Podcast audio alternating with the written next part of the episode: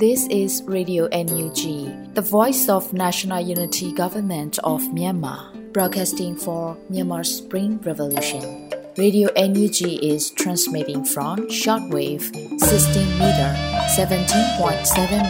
MHz at 8:30 a.m. and 25 meter 11.94 MHz at 8:30 p.m. Myanmar Standard Time.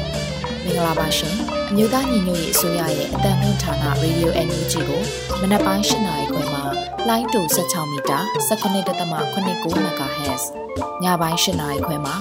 လိုင်းတူ25မီတာ17.6 MHz တို့မှာဓာတ်ရိုက်ဖမ်းယူနိုင်စေနိုင်ပါရှင်။မင်္ဂလာအပေါင်းနဲ့ပြည့်စုံကြပါစေ။အခုချိန်ကစပြီး Radio NUG အစီအစဉ်လေးကိုဓာတ်ရိုက်အတန်လွှင့်ပေးနေပါပြီရှင်။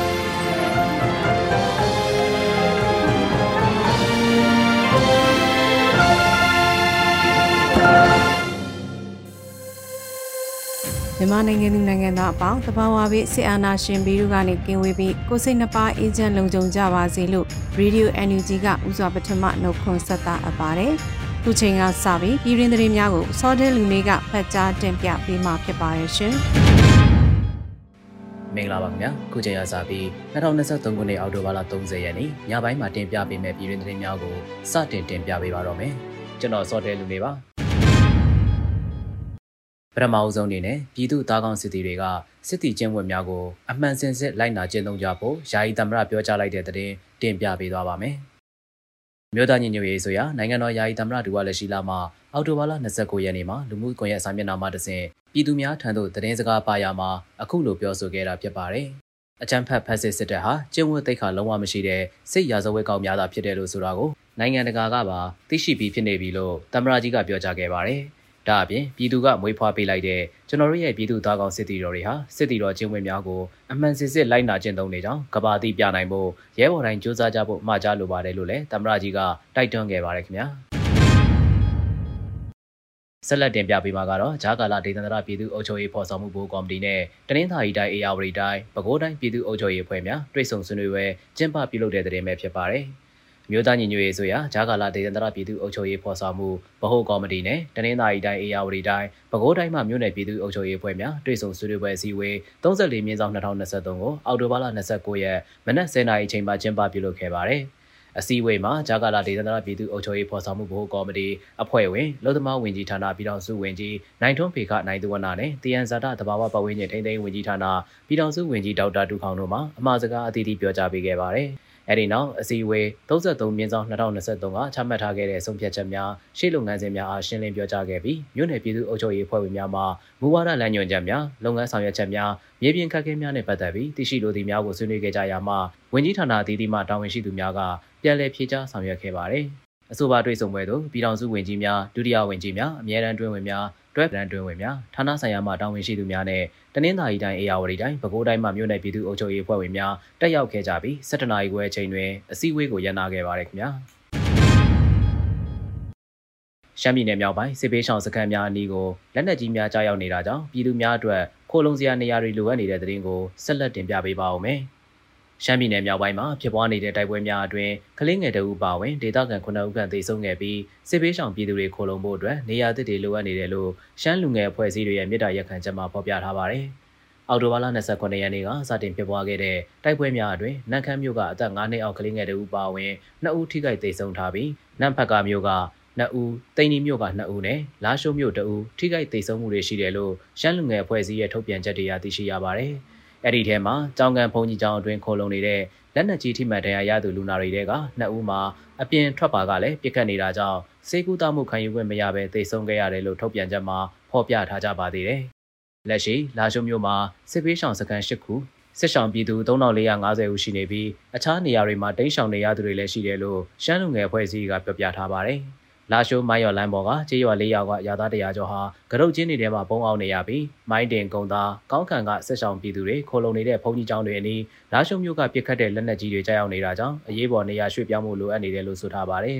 ။ဒါအပြင်လာရှိုးမြို့မန်ဆူစစ်ဆောင်စခန်းမှာလူပြည့်နေပြီးလက်နက်ကြီးပစ်ခတ်မှုတွေမရပ်တန့်တာကြောင့်စစ်ဆောင်တွေအတွက်နေရာသစ်တွေလိုအပ်နေတယ်လို့လည်းသိရှိရပါတယ်။ ကြောင်မဲမျိုးနာမိန်ကျေးရွာဘုံကြီးကျောင်းမှာစစ်ဆောင်ပြည်သူ326ဦးရောက်ရှိနေပြီးအချို့ကျေးရွာတွေကပြည်သူတွေမှာတိုက်ပွဲကြားပိတ်မိနေတယ်လို့ရှမ်းလူငယ်ဖွဲ့စည်းတွေရဲ့မြေတားရက်ကန်ချက်မှာဖော်ပြထားပါတယ်။တိန်နီမျိုးကစစ်ပေးဆောင်ပြည်သူတွေအနေနဲ့နီးစပ်ရာဘုံကြီးကျောင်းတွေနဲ့စာသင်ကျောင်းများမှာခိုးလုံနေကြရပြီးအင်တာနက်လိုင်းတွေပြတ်တောက်နေတာကြောင့်အခြေအနေတွေကိုအသေးစိတ်မသိရသေးဘူးလို့ဆိုထားပါတယ်။နောက်ထပ်တိုက်ပွဲတွေဖြစ်ပွားနေတဲ့နန်ခမ်းမြို့မှာတော့အင်တာနက်လိုင်းဖုန်းလိုင်းတွေဖြတ်တောက်ခံရတာကြောင့်အရက်သားထိခိုက်မှုနဲ့စစ်ဆောင်တွေရဲ့အခြေအနေကိုမသိရသေးဘူးလို့ဆိုပါတယ်။ ကျန်းလူငယ်ဖွဲ့စည်းတွေကအရက်သားပြည်သူတွေကိုလူသားတိုင်းလောက်တာရှောင်တင်းခွင့်မပေးတာနဲ့စေကူသားခွင့်မပေးတာတွေကိုပြင်းထန်စွာကန့်ကွက်ပြီးစစ်ပေးဆောင်ပြည်သူတွေကိုကူညီပေးဖို့စစ်ဆောင်စခန်းတွေဖွင့်လှစ်ဖို့လိုအပ်တဲ့စားနပ်ရိက္ခာအသုံးဆောင်ပစ္စည်းတွေကူညီလူဒန်းကြဖို့ရှမ်းလူငယ်ဖွဲ့စည်းတွေကမြစ်တာရက်ခံထားပါတယ်ခင်ဗျာ။ကမ်ဘလူမြို့နယ်ရှိစစ်ကောင်စီနဲ့ပြူအထိုင်စခန်း၄ခုကိုဒေသခံကာကွယ်ရေးအဖွဲ့များကတိုက်ခိုက်ခဲ့မှုမှာစစ်အုပ်စုဘက်ကထိခိုက်မှုများရှိခဲ့တဲ့တဲ့တင်ကိုဆက်လက်တင်ပြပေးပါမယ်။ စကိုင်းတိုင်းကမ်ဘလူမြို့နယ်အတွင်းကစစ်ကောင်စီတပ်ဖွဲ့တွေနဲ့ပြူတွေထိုင်ချတဲ့စခန်း၄ခုကိုဒေသကာကွယ်ရေးအဖွဲ့တွေကတွားရောက်တိုက်ခိုက်ခဲ့ရမှာစစ်အုပ်စုဘက်ကထိခိုက်ဒေဆုံးမှုတွေရှိတယ်လို့သိရှိထားရပါတယ်။အော်တိုဘာလ29ရက်နေ့မှာကြာရောက်တဲ့သတင်းကြွလာပြည့်နေ့အထိမ်းအမှတ်ဖြစ်နေစစ်အုပ်စုကိုတွားရောက်တိုက်ခိုက်ခဲ့တာလို့ဒေသခံကာကွယ်ရေးအဖွဲ့တွေကဆိုထားပါတယ်။ကမ်ဘလူမျိုးနဲ့ဇီကုန်းတိုက်နယ်တွင်ကဇီကုန်းတကြားဆက်စစ်ကောင်စီအထိုင်တန်းပြင်းတော်ရွာပြူအထိုင် မူးစုံပြူဂိတ်တို့ကို87မမ60မမနဲ့ရှော့တိုက်တုံးတွေပါဝင်လက်နက်ငယ်တွေနဲ့တိုက်ခိုက်ခဲ့ရမှာတကြားဆက်နဲ့ပြူဝါတွေတဲ့ကြောက်ရောက်ပောက်ကွဲခဲ့တာကြောင့်စစ်အုပ်စုဘက်ကထိခိုက်မှုတွေရှိခဲ့ပြီးအရေးပေါ်ကားတွေနဲ့တည်ဆောင်သွားတာတွေ့ရတယ်လို့ဆိုထားပါတယ်။ဒါအပြင်ညနေ6နာရီခန့်အချိန်မှာလဲ ထန်းကုန်းတိုက်နယ်တွဲမှာရှိတဲ့ညောင်စင်လေးရွာပြူအထိုင်စခန်းကို KBU UG နဲ့မြေပြင်တော်လှန်ရေးအဖွဲ့တွေကလက်နက်ကြီးလက်နက်ငယ်တွေနဲ့တွားရောက်ပစ်ခတ်ခဲ့တယ်လို့သိရှိရပါတယ်။အဲ့ဒီတိုက်ခိုက်မှုတွေနဲ့ပတ်သက်လို့စေအုပ်စုဘက်ကထိခိုက်ပျက်စီးမှုအခြေအနေကိုလက်တလောမှာမသိရှိရသေးဘူးလို့ KBU UG ထံကနေသိရှိရပါတယ်ခင်ဗျာ။မြင်းညံတောင်သာလမ်းပေါ်ကတိုးဂိတ်မှာတက်ဆွဲထားတဲ့စစ်ကောင်စီတပ်ဖွဲ့နဲ့စစ်ကူကားများကိုမိုင်းဆွဲတိုက်ခိုက်ခဲ့ရမှာစစ်သား33တေဆုံးသွားတဲ့တဲ့ရင်ကိုဆက်လက်တင်ပြပေးပါမယ်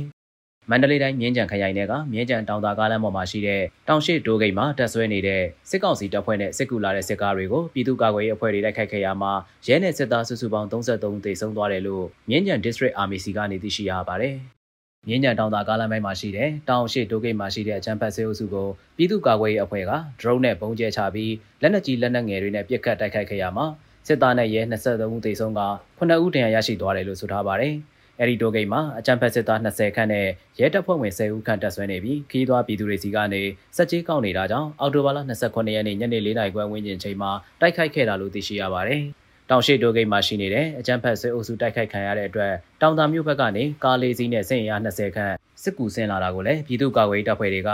မိုင်းဆွဲပြီးလက်နက်ကြီးတွေနဲ့ထပ်မံပစ်ခတ်တိုက်ခိုက်ခဲ့ရမှာကားသုံးစီးတိတ်မှောက်သွားခဲ့ပြီးအကြမ်းဖက်စစ်သား10ဦးခန့်ထပ်မံသိမ်းဆုံးသွားပြီးကြံစစ်သားတွေတရားရသွားတယ်လို့လည်းသိရှိရပါတယ်။ အဲ့ဒီတိုက်ခိုက်မှုတွေမှာခရမ်းလိုအပ်ချက်ရှိနေတာမြင်းကြံဘက်ကလာတဲ့စစ်ကူက6စီးပါစစ်ကောင်စီတပ်ဖွဲ့တွေထပ်မံရောက်ရှိခဲ့တာကြောင့်လက်နက်ကောက်ယူနိုင်ခြင်းမရှိဘဲပြန်လည်ဆုတ်ခွာခဲ့ရတယ်လို့ပြည်သူ့ကာကွယ်ရေးတပ်ဖွဲ့တွေကအသိပေးထားပါတယ်။အဲ့ဒီတိုက်ခိုက်မှုတွေကိုမြင်းကြံခရိုင်တပ်ရင်း3တပ်ခွဲ1မြေလက် PDF မြင်းညံခရိုင်တပ်ရင်း၈မြင်းညံခရိုင်တပ်ရင်း၄မြင်းညံခရိုင်တပ်ရင်း၁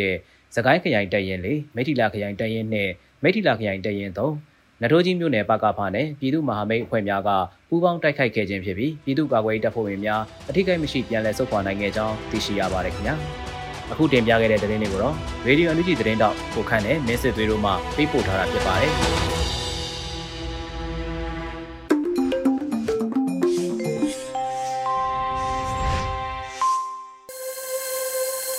ဆက်လက်ပြီးစိုက်ပျိုးစည်းဝါးတောင်သူစကားသံအစီအစဉ်မှာပို့ကုန်ရငွေအပြည့်အဝမခံစားရလို့ကုန်သွယ်မှုကိုထိခိုက်လာပြီးမြမစိုက်ပျိုးစည်းဝါးအနာဂတ်အတွက်စိုးရိမ်ဖွယ်ရာဖြစ်လာဆိုတဲ့ခေါင်းစဉ်နဲ့ Eri ကတင်ဆက်ပေးမှာဖြစ်ပါတယ်ရှင်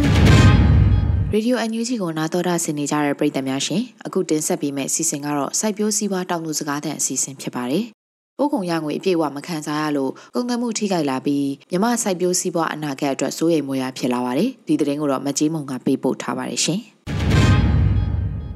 အာနာသိန်းစစ်တပ်ကပို့ကုန်ရငွေတွေကိုတန်မိုးတိုင်းခန်းစားခွင့်မပေးဘဲရရှိလာတဲ့ American Dollar ငွေကိုသိမ်းယူတဲ့အပြင်နှုံးသေးသတ်မှတ်ထားတဲ့မြန်မာကျပ်ငွေနဲ့လဲလှယ်ရယူတာဖြစ်ပါတယ်။ပြင်ပဒေါ်လာငွေကြေးလဲလှယ်နှုန်းကိုမထိန်နိုင်ပဲပို့ကုန်ရငွေကိုနှုံးသေးသတ်မှတ်တာကကုန်စည်နှုန်းကိုတက်လာစေပြီးဝင်ငွေကိုတက်မိုးလျော့ကျလာစေပါတယ်။ဒါကြောင့်ဈေးကစားလိုသူတွေအတွက်အခွင့်အလမ်းဖြစ်လာပြီးပုံမှန်ထုတ်လုပ်သူတင်ပို့သူတွေအတွက်တော့အကျက်တဲကိုဖြစ်လာစေတယ်လို့ပြည်ပကိုစံတင်ပို့တဲ့လုပ်ငန်းလုပ်ကိုင်သူတအုပ်ကပြောပါတယ်။နိုင်ငံခြားသေးကနေပြည်ထဆန်လေးကအရမ်းမြင့်တယ် ဟာဆွေဘပေါ်ဆန်းဆိုလို့ရှိရင်တသိန်း1000ခွဲနဲ့တသိန်း2000လောက်ဖြစ်နေစံတိတ်အကျန်းစားဆိုလို့ရှိရင်မနောဒုက္ခလိုဆန်မျိုးဆိုရင်ဒေတာအသီးသီးမှာပုံမှန်က9000ခွဲလောက်ဖြစ်နေစံတိတ်ကိုနောက်တစ်ခါပို့ဆိုးတာကနိုင်ငံခြားတင်ပို့တဲ့ export ကရတဲ့ရငွေတွေကိုငွေကြေးလဲလှယ်တဲ့ပုံစံပေါ်မှာ65 35နဲ့အခု50 50ဖြစ်တဲ့အခါကျတော့ပထမအရင်တော့65ကို2100နဲ့မလဲမနေရ 35ကို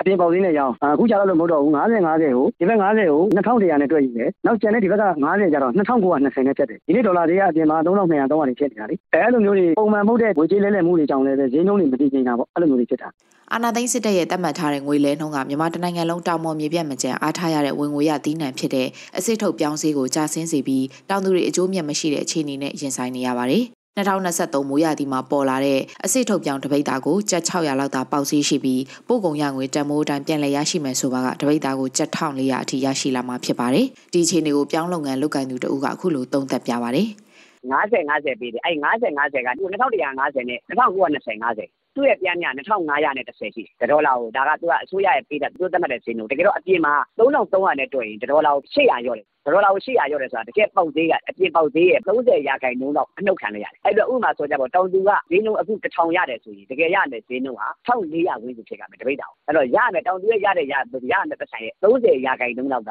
ခုနကပြောတယ်ငွေလဲနှုန်းနဲ့ခံစားမှုလျော့သွားတာပေါ့လက်တလောသတိဝလံစိုက်ပျိုးထုတ်လုပ်မှုလုပ်ငန်းမှာလေဤပညာပိုင်းရောဈေးကွက်အပိုင်းမှာပါဖွံ့ဖြိုးမှုအရှိန်ရလာပြီးဖြစ်တဲ့ထောပတ်သီးနှံတင်ပို့တဲ့လုပ်ငန်းမှာအာနာသိန်းစစ်တပ်ရဲ့ငွေလဲနှုန်းသတ်မှတ်ချက်ကလည်းအရှိန်ရနေတဲ့ဖွံ့ဖြိုးမှုကိုအဟန့်တားဖြစ်စေပါတယ် ဈေးကွက်တင်ပို့မှုစရိတ်တွေမြင့်တက်လာပေမဲ့ရာသီပေါ်ကုန်စည်သီးနှံမပြတ်စည်းအောင်တင်ပို့ရပေမဲ့သီးနှံကရတဲ့အကျိုးမြတ်နှဲပါလာပါတယ်။ဥရောပအမေရိကအရှေ့အလယ်ပိုင်းနဲ့တရုတ်ဈေးကွက်ကိုတင်ပို့ဖို့စိုက်ပျိုးပြင်ဆင်ထားတဲ့မြန်မာထောပတ်တီဟာအလုံးကြီးနဲ့ထွက်လာပေမဲ့အဲ့ဒီနဲ့အစောပိုင်းမှာပဲအာနာသိမ့်လိုက်တာကပြည်ပကိုတင်ပို့မဲ့ဈေးကွက်အားလုံးကိုရက်ဆိုင်သွားစေခဲ့ပါတယ်။လက်တလုံးမှာထိုင်းနိုင်ငံကိုနေဆက်ကတဆင့်တင်ပို့နေရပြီးစစ်တပ်ကအခွန်တိုးမြင့်ကောက်ခံတဲ့အပြင်ပို့ကုန်ရငွေမှာလည်းအပြည့်အဝမရရှိတဲ့အတွက်အကျိုးမြတ်တွေရောနေလာတယ်လို့ထောပတ်ကုန်တဲ့တအုပ်ကအခုလိုပြောပြပါဗျ။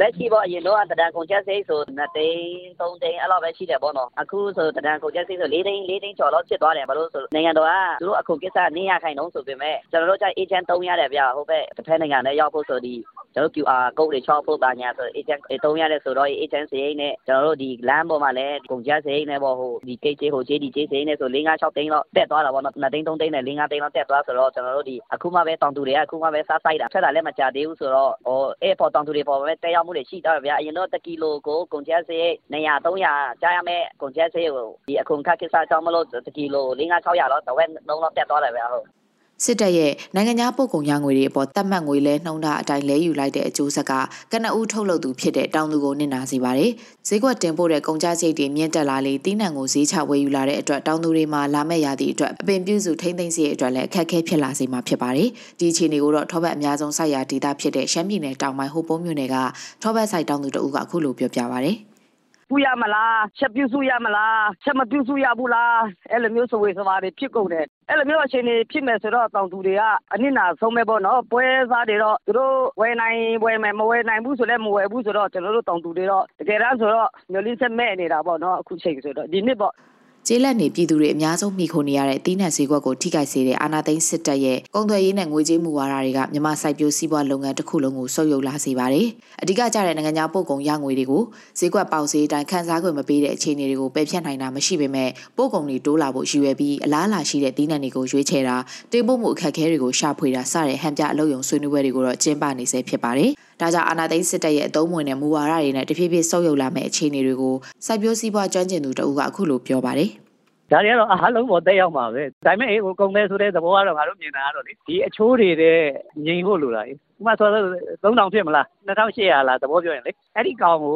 အလုပ်လုပ်လို့ရအောင်ပေါ့လေအခုအခုခဏ2800ဖြစ်တော့ကျန်နေ9000ဖြစ်ဖြစ်သွားမှာသဘောကလေအဲ့လိုဖြစ်နေတာမျိုးကဟိုဘယ်လိုခေါ်မလဲအတဲကြအပြောင်းလဲမြန်တာပေါ့နော်အဲ့လိုဖြစ်တာကဒုက္ခပေးနေတာလေ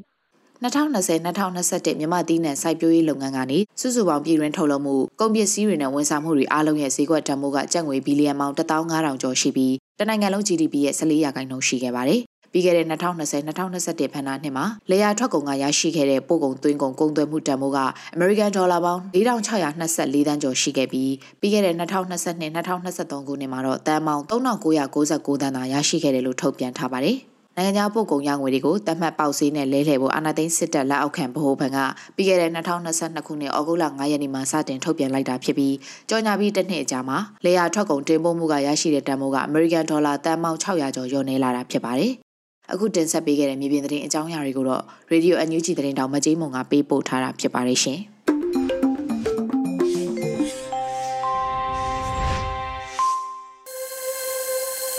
ဆက်လက်ပြီးရတရဘတ်မိုးလေဝသအခြေအနေတွေကိုတော့ຫນွေဦးနိုင်ကတင်ပြပေးမှာဖြစ်ပါတယ်ရှင်။မင်္ဂလာပါခင်ဗျာ2023ခုနှစ်အောက်တိုဘာလ30ရက်နေ့မှနိုဝင်ဘာလ9ရက်နေ့အထိမိုးလေဝသအခြေအနေများကိုတင်ပြပေးပါမယ်ခင်ဗျာ။အခုတစ်ပတ်အတွင်းထူးခြားချက်မှာလာမယ့်ရက်တစ်ပတ်မှာစောင်းမုတ်တုံလီစတင်ဝင်ရောက်လာခြင်းဖြစ်တဲ့အတွက်ကြောင့်ညအချိန်များမှာမြန်မာနိုင်ငံမြောက်ပိုင်းဒေသများမှာအေးတက်ကိုခန်းစားလာရနိုင်ပါတယ်။ မနေ့ပိုင်းမှာမြူထူများလဲကျဆင်းလာနိုင်တာကိုတွေ့လာရမှာဖြစ်ပါတယ်။မုတ်တုံလီစုပ်ခွာခဲ့ပြီးတော့လဲမြန်မာနိုင်ငံဒေသအချို့မှာအရှိလီပွေးလှိုင်းများကြောင့်၎င်းမုန်တိုင်းငယ်လေးများကြောင့်၎င်းမြောက်ဘက်မှလေအေးများဟာတောင်ဘက်သို့အရှိန်ဟုန်နဲ့ထိုးဆင်းလာပြီးတောင်ဘက်မှလေနွေးများနဲ့ပေါင်းစုံပြီးပြန်ကြမိုးများရွာစီခြင်းများကြောင့်မြန်မာနိုင်ငံဒေသတချို့မှာမိုးအသင့်တင့်ရွာနိုင်ပါကြောင်းသိထားကြစီလိုပါတယ်။ ထူးခြားချက်မှာယခုလာမယ့်ရက်တစ်ပတ်အတွင်းအရှိမြောက်မုတ်တုံရာသီစတင်ကူးပြောင်းမဲ့အသွင်ကူးပြောင်းကာလဖြစ်တဲ့အတွက်ကြောင့်မြန်မာနိုင်ငံမြောက်ပိုင်းမှာစတင်ကမြောက်အရှိမြောက်ဘက်မှလေအေးများစတင်ဝင်ရောက်လာနိုင်ပြီးမြန်မာနိုင်ငံမြောက်ပိုင်းနဲ့အလဲပိုင်းတို့မှာညအခါများမှာစတင်အေးလာနိုင်မှာကြောင်းအသိပေးလိုပါတယ်။နေ့အလိုက်တပတ်စာမူလဝတ္တအခြေအနေများကိုလည်းဆက်လက်တင်ပြပေးသွားပါမယ်ခင်ဗျာ။အော်တိုဘာလ30ရက်နေ့အတွက်ခံမှန်းချက်ကတော့ မြန်မာနိုင်ငံအထက်ပိုင်းနဲ့အလဲပိုင်းတို့မှာအရှိအရှိမြောက်လေအေးများစတင်တိုက်ခတ်လာနိုင်ပြီးတောင်ပိုင်းမှာအရှိအရှိတောင်လေများတိုက်ခတ်နေနိုင်ပါတယ်။ဆောင်းမုတ်တုံအခြေအနေမှာအိန္ဒိယနိုင်ငံအနောက်အလဲပိုင်းပေါ်မှာလေပြားများဆဲတစ်ခုဟာဆက်လက်နေရာယူထားပါတယ်။နောက်ထပ်လေပြားများဆဲတစ်ခုမှလည်းတရုတ်ပြည်ပေါ်မှာစတင်နေရာယူထားပါတယ်။အဆိုပါဆဲနှစ်ခုဟာစောင်းမုတ်တုံအင်အားအတက်အကျကိုထိန်းချုပ်ထားပြီးစောင်းကာလအေးပိုခြင်းအေးရော့ခြင်းကိုဖြစ်ပေါ်စေပါတယ်။ ဘင်္ဂလားပင်လယ်အော်အခြေအနေမှာဘင်္ဂလားပင်လယ်အော်နဲ့ကပ်ပလီပင်လယ်ပြင်တို့မှာတင်းအသင့်တင်ဖြစ်ထွန်းနိုင်ပါတယ်။မိုးအခြေအနေမှာမွန်ပြည်နယ်တနင်္သာရီတိုင်းပဲခူးတိုင်းရှမ်းပြည်နယ်ကယားပြည်နယ်နဲ့ကရင်ပြည်နယ်တို့မှာနေရာကျကျအေရဝတီတိုင်းရခိုင်ပြည်နယ်နဲ့ချင်းပြည်နယ်တို့မှာနေရာကွက်ကြားမိုးထစ်ချုံရွာနိုင်ပြီးတော့ကြမ်းဒေသများမှာတင်းအသင့်တင်ဖြစ်ထွန်းနိုင်ပါတယ်။ ရခိုင်ကမ်းရိုးတန်းဘက်မှာအရှိမြောက်ဘက်မှလေဟာတနအီကို9မိုင်မှ10မိုင်ကန့်တိုက်ခတ်နိုင်ပြီးတော့လိုင်းအသင့်တင်ရှိနိုင်ပါတယ်။မௌဒမာကွေးနဲ့တနင်္သာရီကမ်းရိုးတန်းတို့မှာအရှိအရှိတောင်ဘက်မှလေဟာတနအီကို9မိုင်မှ10မိုင်ခန့်အထိတိုက်ခတ်နိုင်ပြီးတော့လိုင်းအသင့်တင်ရှိနိုင်ပါတယ်။ ဆက်လက်ပြီးအော်တိုဘာလ31ရက်နေ့အတွက်မူလဝတ္တခံမှန်းချက်တွေကိုတင်ပြပေးပါမယ်။မြန်မာနိုင်ငံအထက်ပိုင်းနဲ့အလဲပိုင်းတို့မှာအရှိအရှိမြောက်လေအေးများတိုက်ခတ်လာနိုင်ပြီးတော့တောင်ပိုင်းမှာအရှိအရှိတောင်လေများတိုက်ခတ်နေနိုင်ပါတယ်။စောင်းမုတ်တုံအခြေအနေမှာအိန္ဒိယနိုင်ငံအနောက်အလဲပိုင်းပေါ်မှာလေပြားများဆဲဟာဆက်လက်နေရာယူထားပြီးတော့အင်အားအနှဲငယ်တူးလာပါတယ်။ ဘင်္ဂလားပင်လယ်အော်အခြေအနေမှာဘင်္ဂလားပင်လယ်အော်နဲ့ကပ်ပလီပင်လယ်ပြင်တို့မှာတိမ်အသင့်တင်ဖြစ်ထွန်းနိုင်ပါတယ်။မိုးအခြေအနေမှာရှမ်းပြည်နယ်နဲ့ကယားပြည်နယ်တို့မှာနေရာစိတ်စိတ်ကရင်ပြည်နယ်မွန်ပြည်နယ်တနင်္သာရီတိုင်းရန်ကုန်တိုင်းနဲ့ပဲခူးတိုင်းတို့မှာနေရာကျကျအေရောက်ဒီတိုင်းရခိုင်ပြည်နယ်နဲ့ချင်းပြည်နယ်တို့မှာနေရာကွက်ကြားမိုးထစ်ချုံရွာနိုင်ပြီးတော့ကြံဒေသများမှာတိမ်အသင့်တင်ဖြစ်ထွန်းနိုင်ပါတယ်။ ရခိုင်ကမ်းရိုးတန်းဘက်မှာအရှိတ်ဘက်မှလေဟာတနအီကို9မိုင်မှ10မိုင်ခန့်တိုက်ခတ်နိုင်ပြီးတော့လိုင်းအသင်းတင်ရှိနိုင်ပါတယ်။မௌဒမာကွေးနဲ့တနင်္သာရီကမ်းရိုးတန်းတို့မှာအရှိအရှိတောင်ဘက်မှလေဟာတနအီကို9မိုင်မှ10မိုင်ခန့်အထိတိုက်ခတ်နိုင်ပြီးလိုင်းအသင်းတင်ရှိနိုင်ပါတယ်။နိုဝင်ဘာလ10ရက်နေ့အတွက်မိုးလေဝသခန့်မှန်းချက်တွေကိုဆက်လက်တင်ပြပေးပါမယ်။မြန်မာနိုင်ငံအထက်ပိုင်းနဲ့အလဲပိုင်းတို့မှာအရှိအရှိမြောက်လေအေးများတိုက်ခတ်လာနိုင်ပြီးတော့တောင်ပိုင်းမှာအရှိအရှိတောင်လေများတိုက်ခတ်နေနိုင်ပါတယ်။ ဆောင်းမုတ်တုံအခြေအနေမှာအိန္ဒိယနိုင်ငံအနောက်အလဲပိုင်းပေါ်မှာလေပြင်းများဆဲဟာဆက်လက်နေရာယူထားပြီးတော့အင်အားအနည်းငယ်တိုးလာပါတယ်။ဘင်္ဂလားပင်လယ်အော်အခြေအနေမှာဘင်္ဂလားပင်လယ်အော်နဲ့ကပ်ပလီပင်လယ်ပြင်တို့မှာတိမ်အထင်တင်ဖြစ်ထွန်းနိုင်ပါတယ်။မိုးအခြေအနေမှာရှမ်းပြည်နယ်၊ကယားပြည်နယ်၊ကရင်ပြည်နယ်၊မွန်ပြည်နယ်၊တနင်္သာရီတိုင်း၊ရန်ကုန်တိုင်း၊ပဲခူးတိုင်း၊အေရဝတီတိုင်း၊ရခိုင်ပြည်နယ်နဲ့ချင်းပြည်နယ်တို့မှာနေရာကွက်ကြားမိုးထစ်ချုံရွာနိုင်ပြီးတော့ကြံဒေသများမှာတိမ်အထင်တင်ဖြစ်ထွန်းနိုင်ပါတယ်။ရခိုင်ကမ်းရိုးတန်းဘက်မှာ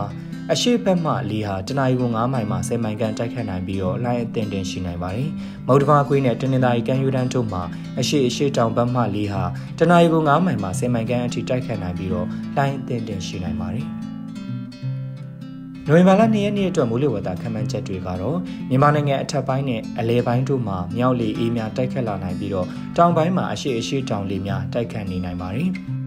ဆောင်းမုတ်တုံအခြေအနေမှာအိန္ဒိယနိုင်ငံအနောက်အလဲပိုင်းပေါ်မှာလေပြင်းများဆဲဟာဆက်လက်နေရာယူထားပြီးတော့အင်အားအနည်းငယ်တိုးလာပါတယ်။ကချင်ပြည်နယ်စကိုင်းတိုင်းမန္တလေးတိုင်းနဲ့မကွေးတိုင်းတို့မှာညအခါအနည်းငယ်အေးလာနိုင်ပါတယ်။ ဘင်္ဂလားပင်လယ်အော်အခြေအနေမှာဘင်္ဂလားပင်လယ်အော်နဲ့ကက်ပလီပင်လယ်ပြင်တို့မှာတင်အသင်းတင်ဖြစ်ထွန်းနိုင်ပါတယ်။မိုးအခြေအနေမှာရှမ်းပြည်နယ်နဲ့ကယားပြည်နယ်တို့မှာနေရာကျကျကရင်ပြည်နယ်မွန်ပြည်နယ်တနင်္သာရီတိုင်းရန်ကုန်တိုင်းပဲခူးတိုင်းအေရဝတီတိုင်းရခိုင်ပြည်နယ်နဲ့ချင်းပြည်နယ်တို့မှာနေရာကွက်ကြားမိုးချစ်ချုံရွာနိုင်ပြီးတော့ကြံဒေသများမှာတိမ်အသင်းတင်ဖြစ်ထွန်းနိုင်ပါတယ်။ရခိုင်ကမ်းရိုးတန်းဘက်မှာအရှိဘက်မှလေယာတနအီကို9မိုင်မှ10မိုင်ခန့်တိုက်ခတ်နိုင်ပြီးတော့လိုင်းအသင်းတင်ရှိနိုင်ပါတယ်။ မௌဒမာခွေးနဲ့တနင်္သာရီကမ်းယူထန်းတို့မှာအရှိအရှိတောင်ပန်းမလီဟာတနအီကို9မိုင်မှ10မိုင်ခန့်အထိတိုက်ခတ်နိုင်ပြီးတော့လိုင်းအသင့်တင်ရှိနိုင်ပါတယ်။နိုဝင်ဘာလ3ရက်နေ့အတွက်ခန့်မှန်းချက်တွေကိုဆက်လက်တင်ပြပေးပါမယ်။မြန်မာနိုင်ငံအထက်ပိုင်းနဲ့အလဲပိုင်းတို့မှာမြောက်အနောက်မြောက်လေအေးများတိုက်ခတ်လာနိုင်ပြီးတော့တောင်ပိုင်းမှာအရှိအရှိတောင်လေများတိုက်ခတ်နေနိုင်ပါတယ်။စောင်းမုတ်တုံအခြေအနေမှာအိန္ဒိယနိုင်ငံအနောက်အလဲပိုင်းပေါ်မှာလေပြင်းများဆဲဟာဆက်လက်နေရာယူထားပြီးအင်အားအနှဲငယ်တိုးလာပါတယ်။ ကချင်ပြည်နယ်စကိုင်းတိုင်းမန္တလေးတိုင်းနဲ့မကွေးတိုင်းတို့မှာညအခါအနည်းငယ်ဆက်လက်အေးနေနိုင်ပါတယ်။ဘင်္ဂလားပင်လယ်အော်အခြေအနေမှာဘင်္ဂလားပင်လယ်အော်နဲ့ကပ်ပလီပင်လယ်ပြင်တို့မှာတိမ်အထင်တင်ဖြစ်ထွန်းနိုင်ပါတယ်။မိုးအခြေအနေမှာရှမ်းပြည်နယ်နဲ့ကယားပြည်နယ်တို့မှာနေရာကျကျကရင်ပြည်နယ်မွန်ပြည်နယ်တနင်္သာရီတိုင်းရန်ကုန်တိုင်းပဲခူးတိုင်းအေရဝတီတိုင်းရခိုင်ပြည်နယ်နဲ့ချင်းပြည်နယ်တို့မှာနေရာကွက်ကြားမိုးထစ်ချုံရွာနိုင်ပြီးတော့ကြမ်းကြီးသားများမှာတိမ်အထင်တင်ဖြစ်ထွန်းနိုင်ပါတယ်။ ရခိုင်ကမ်းရိုးတန်းဘက်မှာအနောက်မြောက်ဘက်မှလေဟာတနအီကို9မိုင်မှ10မိုင်ခန့်တိုက်ခတ်နိုင်ပြီးတော့လိုင်းအသင့်တင်ရှိနိုင်ပါတယ်။မော်ဒမာကွေးနဲ့တနင်္သာရီကမ်းရိုးတန်းတို့မှာအရှိအရှိတောင်ဘက်မှလေဟာတနအီကို9မိုင်မှ10မိုင်ခန့်အထိတိုက်ခတ်နိုင်ပြီးတော့လိုင်းအသင့်တင်ရှိနိုင်ပါတယ်။နိုဝင်ဘာလ4ရက်နေ့အတွက်ခန့်မှန်းချက်တွေကိုတင်ပြပေးပါမယ်။မြန်မာနိုင်ငံအထက်ပိုင်းနဲ့အလဲပိုင်းတို့မှာ မြောက်လေအေးများတိုက်ခတ်လာနိုင်ပြီးတောင်ပိုင်းမှာအရှိအရှိမြောက်လေများတိုက်ခတ်နေနိုင်ပါတယ်။ဆောင်းမုတ်တုံအခြေအနေမှာအိန္ဒိယနိုင်ငံအနောက်အလဲပိုင်းပေါ်မှာလေပြင်းများဆဲဟာဆက်လက်နေရာယူထားပြီးတော့အင်အားအနှဲငယ်တိုးလာပါတယ်။ကချင်ပြည်နယ်စကိုင်းတိုင်းမန္တလေးတိုင်းမကွေးတိုင်းနဲ့နေပြည်တော်တို့မှာညအခါအနှဲငယ်ဆက်လက်အေးနေနိုင်ပါတယ်။ ဘင်္ဂလားပင်လယ်အော်အခြေအနေမှာဘင်္ဂလားပင်လယ်အော်မြောက်ပိုင်းနဲ့အလဲပိုင်းတို့မှာတာယာနေပြီးတော့ကြံဘင်္ဂလားပင်လယ်အော်နဲ့ကပ်ပလီပင်လယ်ပြင်တို့မှာတိမ်အထင်းတင်ဖြစ်ထွန်းနိုင်ပါတယ်။မိုးအခြေအနေမှာမွန်ပြည်နယ်တနင်္သာရီတိုင်းရန်ကုန်တိုင်းပဲခူးတိုင်းအေရဝတီတိုင်း ရခိုင်ပြည်နယ်နဲ့ချင်းပြည်နယ်တို့မှာနေရာကွက်ကြားမိုးချစ်ချုံရွာနိုင်ပြီးကြံဒေသများမှာတိမ်အထင်းတင်ဖြစ်ထွန်းနိုင်ပါတယ်။ရခိုင်ကမ်းရိုးတန်းဘက်မှာမြောက်ဘက်မှလေယာတနအီကို9မိုင်မှ10မိုင်ခန့်တိုက်ခတ်နိုင်ပြီးတော့လိုင်းအထင်းတင်ရှိနိုင်ပါတယ်။မုတ်တဘာကွေးနဲ့တနင်္လာကမ်းရိုးတန်းတို့မှာအရှိအရှိတောင်ဘက်မှလေယာတနအီကို9မိုင်မှ10မိုင်ခန့်အထိတိုက်ခတ်နိုင်ပြီးတော့လိုင်းအထင်းတင်ရှိနိုင်ပါတယ်။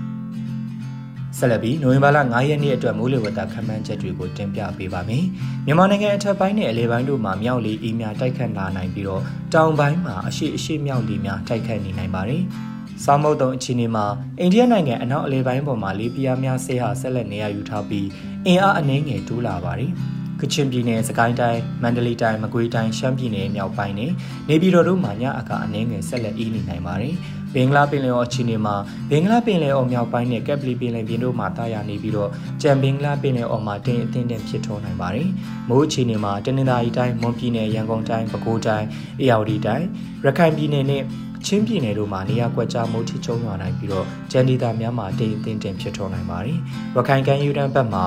မြောက်ဘက်မှလေယာတနအီကို9မိုင်မှ10မိုင်ခန့်တိုက်ခတ်နိုင်ပြီးတော့ လှိုင်းအသေးတင်ရှိနိုင်ပါတယ်။မௌဒမာကွေးနဲ့တနင်္သာရီကမ်းရိုးတန်းတို့မှာအရှိအရှိတောင်ဘက်မှလေဟာတနအီကို9မိုင်မှ10မိုင်ခန့်အထိတိုက်ခတ်နိုင်ပြီးလှိုင်းအသေးတင်ရှိနိုင်ကြောင်းလူသားချင်းစာနာထောက်ထားရေးနဲ့ BND ဆိုင်ရာစီမံခန့်ခွဲဝန်ကြီးဌာနမှ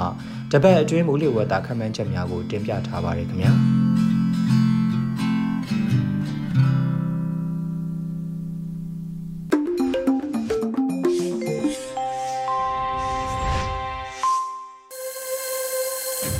လက်နားဆင်ကြရမယ့်တိုင်းသားဘာသာစကားထုတ်လွှင့်မှုအစီအစဉ်မှာပတ်စင်သတင်းများကိုသကောကေဘာသာနဲ့နှုံနွေဦးပွင့်ကတင်ပြပေးသွားမှာဖြစ်ပါတယ်ရှင်။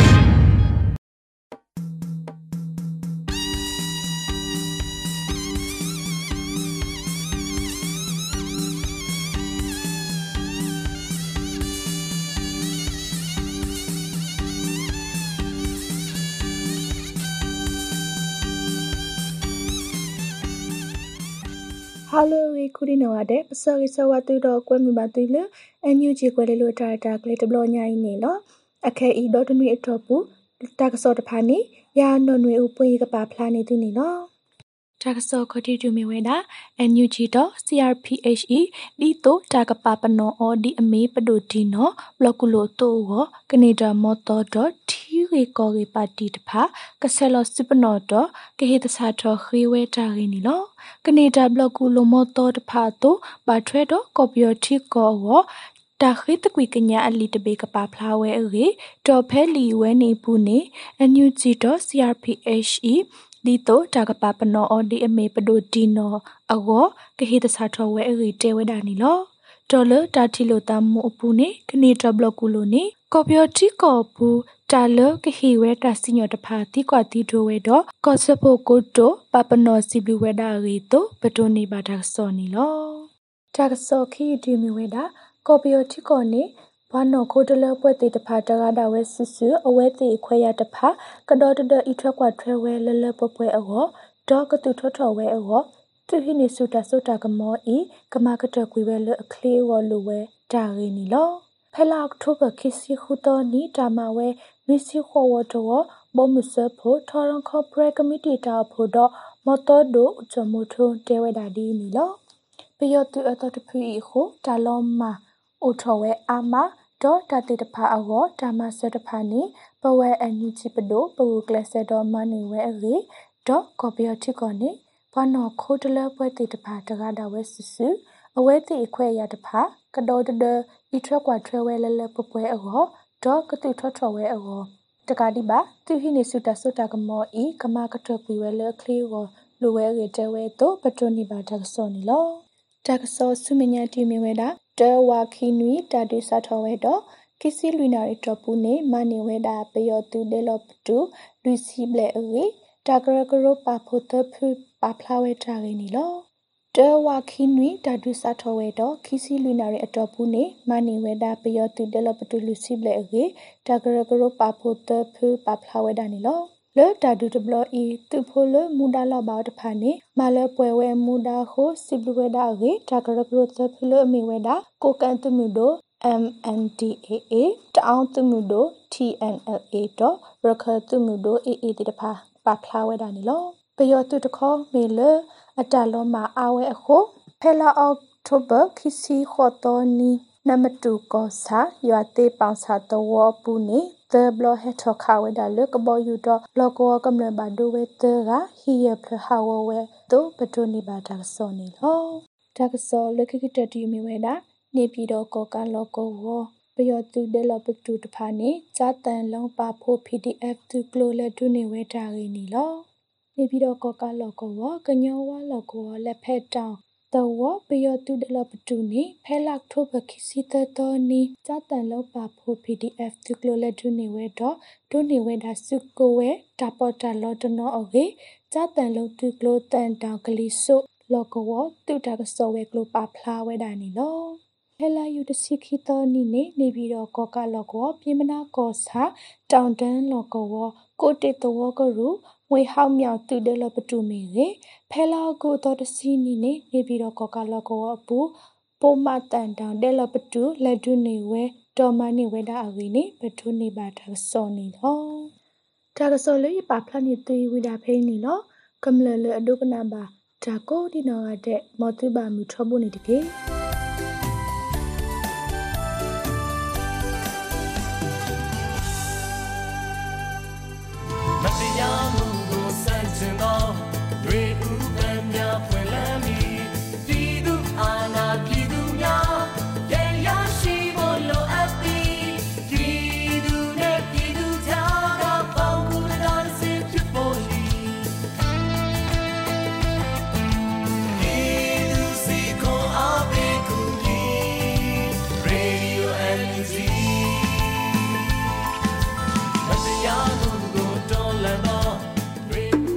ဒီကနေ့ကတော့ဒီညနဲ့ပဲ Radio NUG ရဲ့အစီအစဉ်လေးကိုခਿੱတရနာလိုက်ပါမယ်ရှင်။မြန်မာစံတော်ချိန်မနက်၈နာရီခွဲနဲ့ည၈နာရီခွဲအချိန်တွေမှာပြန်လည်ဆုံတွေ့ကြပါစို့။ Radio NUG ကိုမနက်ပိုင်း၈နာရီခွဲမှာလိုင်းတူ16မီတာ19.89 MHz ညပိုင်း8နာရီခွဲမှာလိုင်းတူ25မီတာ17.6 MHz တို့မှာဓာတ်ရိုက်ဖမ်းလို့နိုင်စေနိုင်ပါပြီ။ မြန်မာနိုင်ငံသူနိုင်ငံသားတွေကိုစိတ်နှပြကျန်းမာချမ်းသာလို့ဘေးကင်းလုံခြုံကြပါစေလို့ Radio NUG အဖွဲ့သူဖွဲ့သားတွေကဆုတောင်းမြတ်တာပို့တာနေပါတယ်ရှင်။မြေသားညီမတွေအစိုးရရဲ့စက်တော်ရင်သတင်းအချက်အလက်တွေလူပညာဝန်ကြီးဌာနကထုတ်လွှင့်နေတဲ့ Radio NUG ဖြစ်ပါတယ်။ San Francisco Bay Area အခြေစိုက်မြန်မာမိသားစုတွေနဲ့နိုင်ငံတကာကစေတနာရှင်တို့အားပေးနေတဲ့ Radio NUG ဖြစ်ပါတယ်။အရေးတော်ပုံအောင်ရမည်